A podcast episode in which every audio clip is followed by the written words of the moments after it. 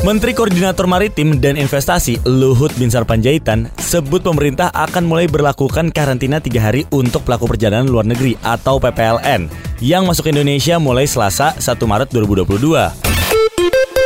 Kalau muda, Niki baru aja meraih prestasi luar biasa dalam karir bermusiknya. Congratulations, Niki Zevanya. Jadi Niki resmi menjadi artis wanita Indonesia pertama yang meraih total 1,25 miliar streams di Spotify. Dengerin Prambors News selengkapnya cuma di Prambors Radio, tempat anak muda mangkal. Get it on Play Store and App Store.